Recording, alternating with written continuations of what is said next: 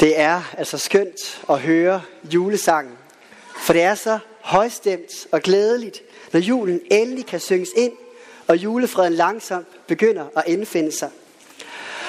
Og når vi synger de smukke julesange, så tænker jeg også på, hvordan det må lød, da verdenshistoriens første julesang blev sunget, og englene fyldte himlen og sang, ære være Gud i det højeste og på jorden, og fred til mennesker med Guds velbehag.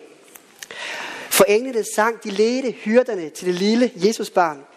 Og lige siden har julesangen ledt milliarder af mennesker til det samme barn. I hyldest og i tro, i forundren og i lovprisning. Til den lille frelser med det store håb. Og I vil nu gerne rejse jer, så skal vi lytte til, hvad det var, der satte julesangen i gang den allerførste nat. Lukas skriver, og det skete i de dage, at der udgik en befaling fra kejser Augustus om at holde folketælling i hele verden. Det var den første folketælling, mens Quirinius var stattholder i Syrien.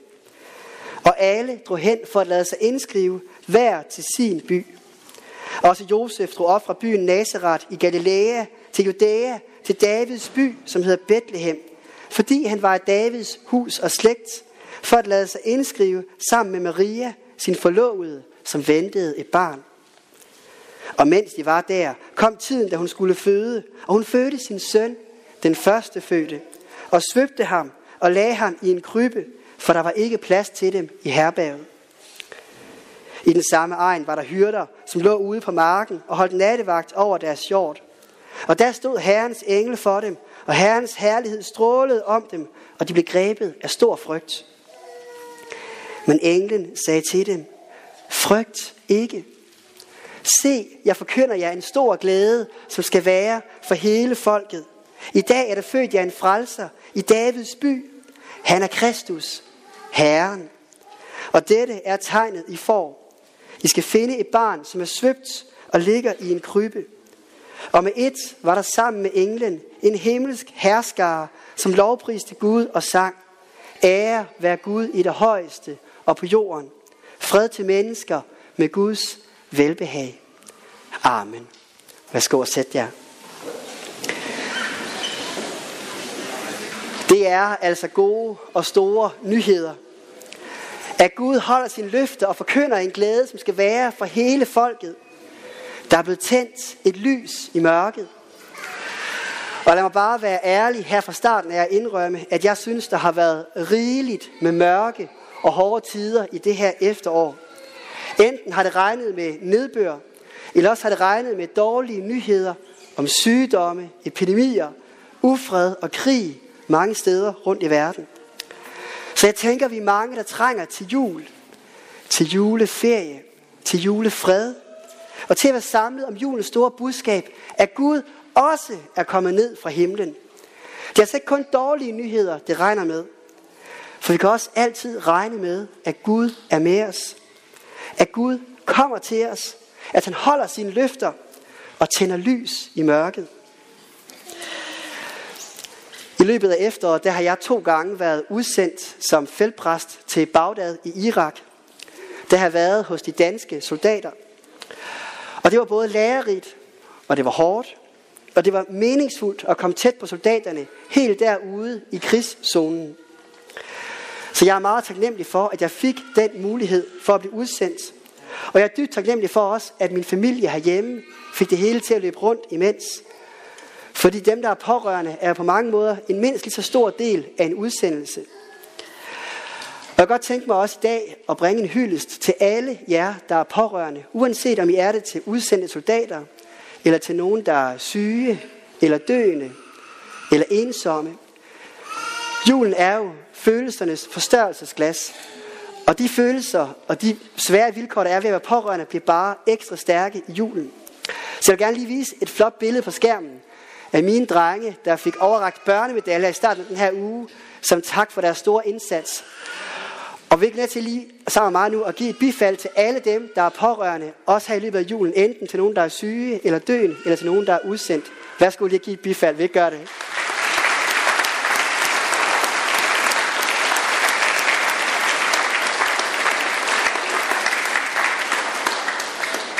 Det var en god dag, det der. De sidste par måneder i Bagdad, der har alle soldater, der har de båret sikkerhedsudrustning rundt i lejren hele tiden. Det var lidt tungt, og det var også lidt bøvlet. Men vi fik det naturligvis til at fungere, for det er jo sådan vilkårene er, når man er soldat. At vi skal værne om sikkerheden og være dedikeret til at bevare fokus på opgaveløsningen og på de vilkår, der nu engang er. Og mens jeg gik der rundt i lejren, iført min sikkerhedsudrustning, så kom jeg pludselig til at tænke på jul og juleaftenens fejring her i kirken. Fordi jeg tror faktisk, at den sikkerhedsudrustning gemmer på en enorm stærk symbolik i forhold til julen. Og for at illustrere det, så vil jeg nu iføre mig en sikkerhedsudrustning. Du kan godt komme ind med den sorte, store sæk, der er. Ja, den er lidt tung, Annette. Ja, det er godt. tak for det. Så skal vi se, hvad jeg har hernede. Skal vi se.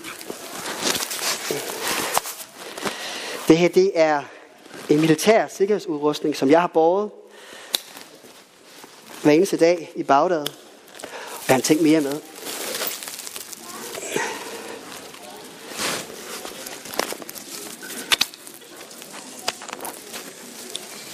Sådan. Hvad siger I så? Det er ikke hver dag, man ser det ude på præstekjolen.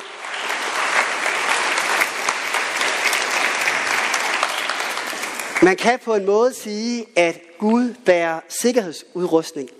For Gud han er jo stor, hellig, evig og almægtig. Hvis nogen de ønsker at skade dig, så kan de bare komme an, for det hele praller af. For hans udrustning er simpelthen så stor og så uovervindelig stærk. Så modstandere kan skyde med alt, hvad de har at komme med. Det hele praller bare af, for Gud er stor og mægtig og stærk. Og som rød tråd igennem hele det gamle testamente og i Bibelen, der bliver der givet løfter om, at Gud en dag vil gribe ind i verden for at besejre alt ondt og alt mørkt. Og på den baggrund, der sagde Gud, det nytter ikke noget, at jeg holder mig på afstand. Nej, lad mig selv komme med helt derud i krigszonen, hvor livet kan være svært. Lad mig selv tage imod alle tæsk og alle trusler og alle tab. Og derfor skete der det, at Gud simpelthen tog tyren ved hornene. Og det er altså lidt sjovt sagt, for det her det bliver kaldt en tyr. Så Gud tog tyren ved hornene. Gud steg ned fra sin guddomstrone. Gud blev menneskelig. Han blev skrøbelig. Han blev lille.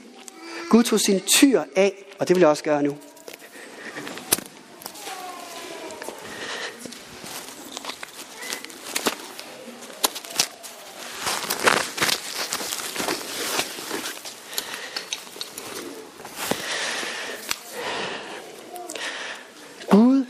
Tog sin tyr af, blev menneskelig.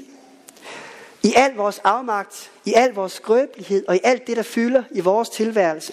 Gud blottede sig og lod panseret falde. Og nu står jeg så her i min fine præstekjole.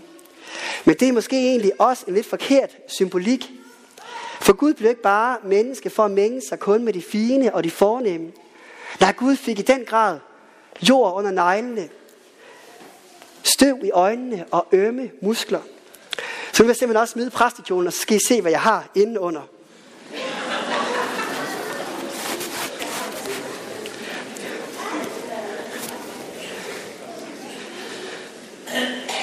Det var kraven. Whoops.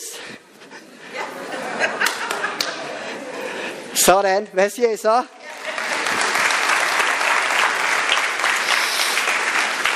Det her det er militærets kædeldragt, den som vi bruger, når vi skal skille vores våben ad og rense dem helt ned i dybden.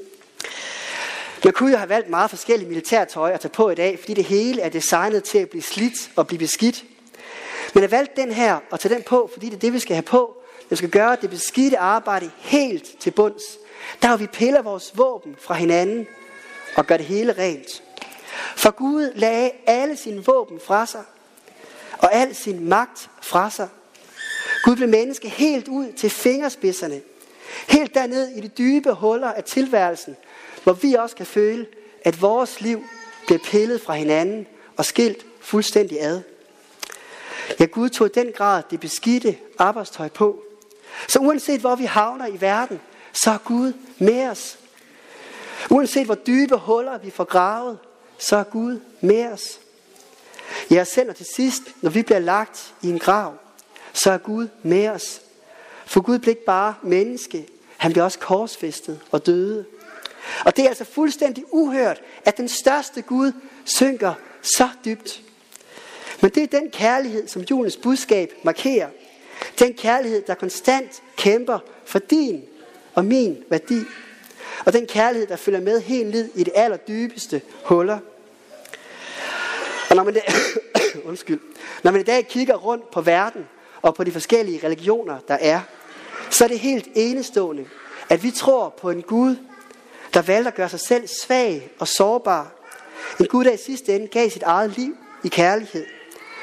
Og på sin vej derned blev Jesus både hånet og det latterliggjort og mishandlet. Og det har medført, at kristendommen på en helt særlig måde ikke er bange for at blive kritiseret eller blive latterliggjort. For hele vores udgangspunkt er jo netop troen på en Gud, der selv blev lille og latterliggjort og lamslået. Så kom bare med al satire og al kritik og al hån. Hele verden må gerne slå på Gud. Vi må gerne slå på Gud og råbe af ham, når vi ikke begriber, hvorfor der skal være så meget ondt. For det er netop det, julen den fortæller os. At det kan Gud godt holde til. Ja, han valgte faktisk selv at tage imod alle de tæsk, der kommer. For vores skyld. For din og min skyld. Og det gjorde han for, at vi aldrig, som i aldrig nogensinde, skal blive overladt alene. For det er den Gud, vi tror på. Den beskidte Gud. Den sårbare Gud. Den Gud, der møder os helt nede i det mørkeste dyb. Og lige præcis der fra det dybeste mørke, der rejser Gud sig igen. Gud opstår fra graven, bliver levende igen og overvinder alt ondt. Og derfor har jeg jule, glæde og håb i at tro på Jesus. Fordi han kan rejse mig, når jeg falder. Fordi han kan rejse os, når vi er allermest nede. Fordi han kan rejse os igen og igen og igen.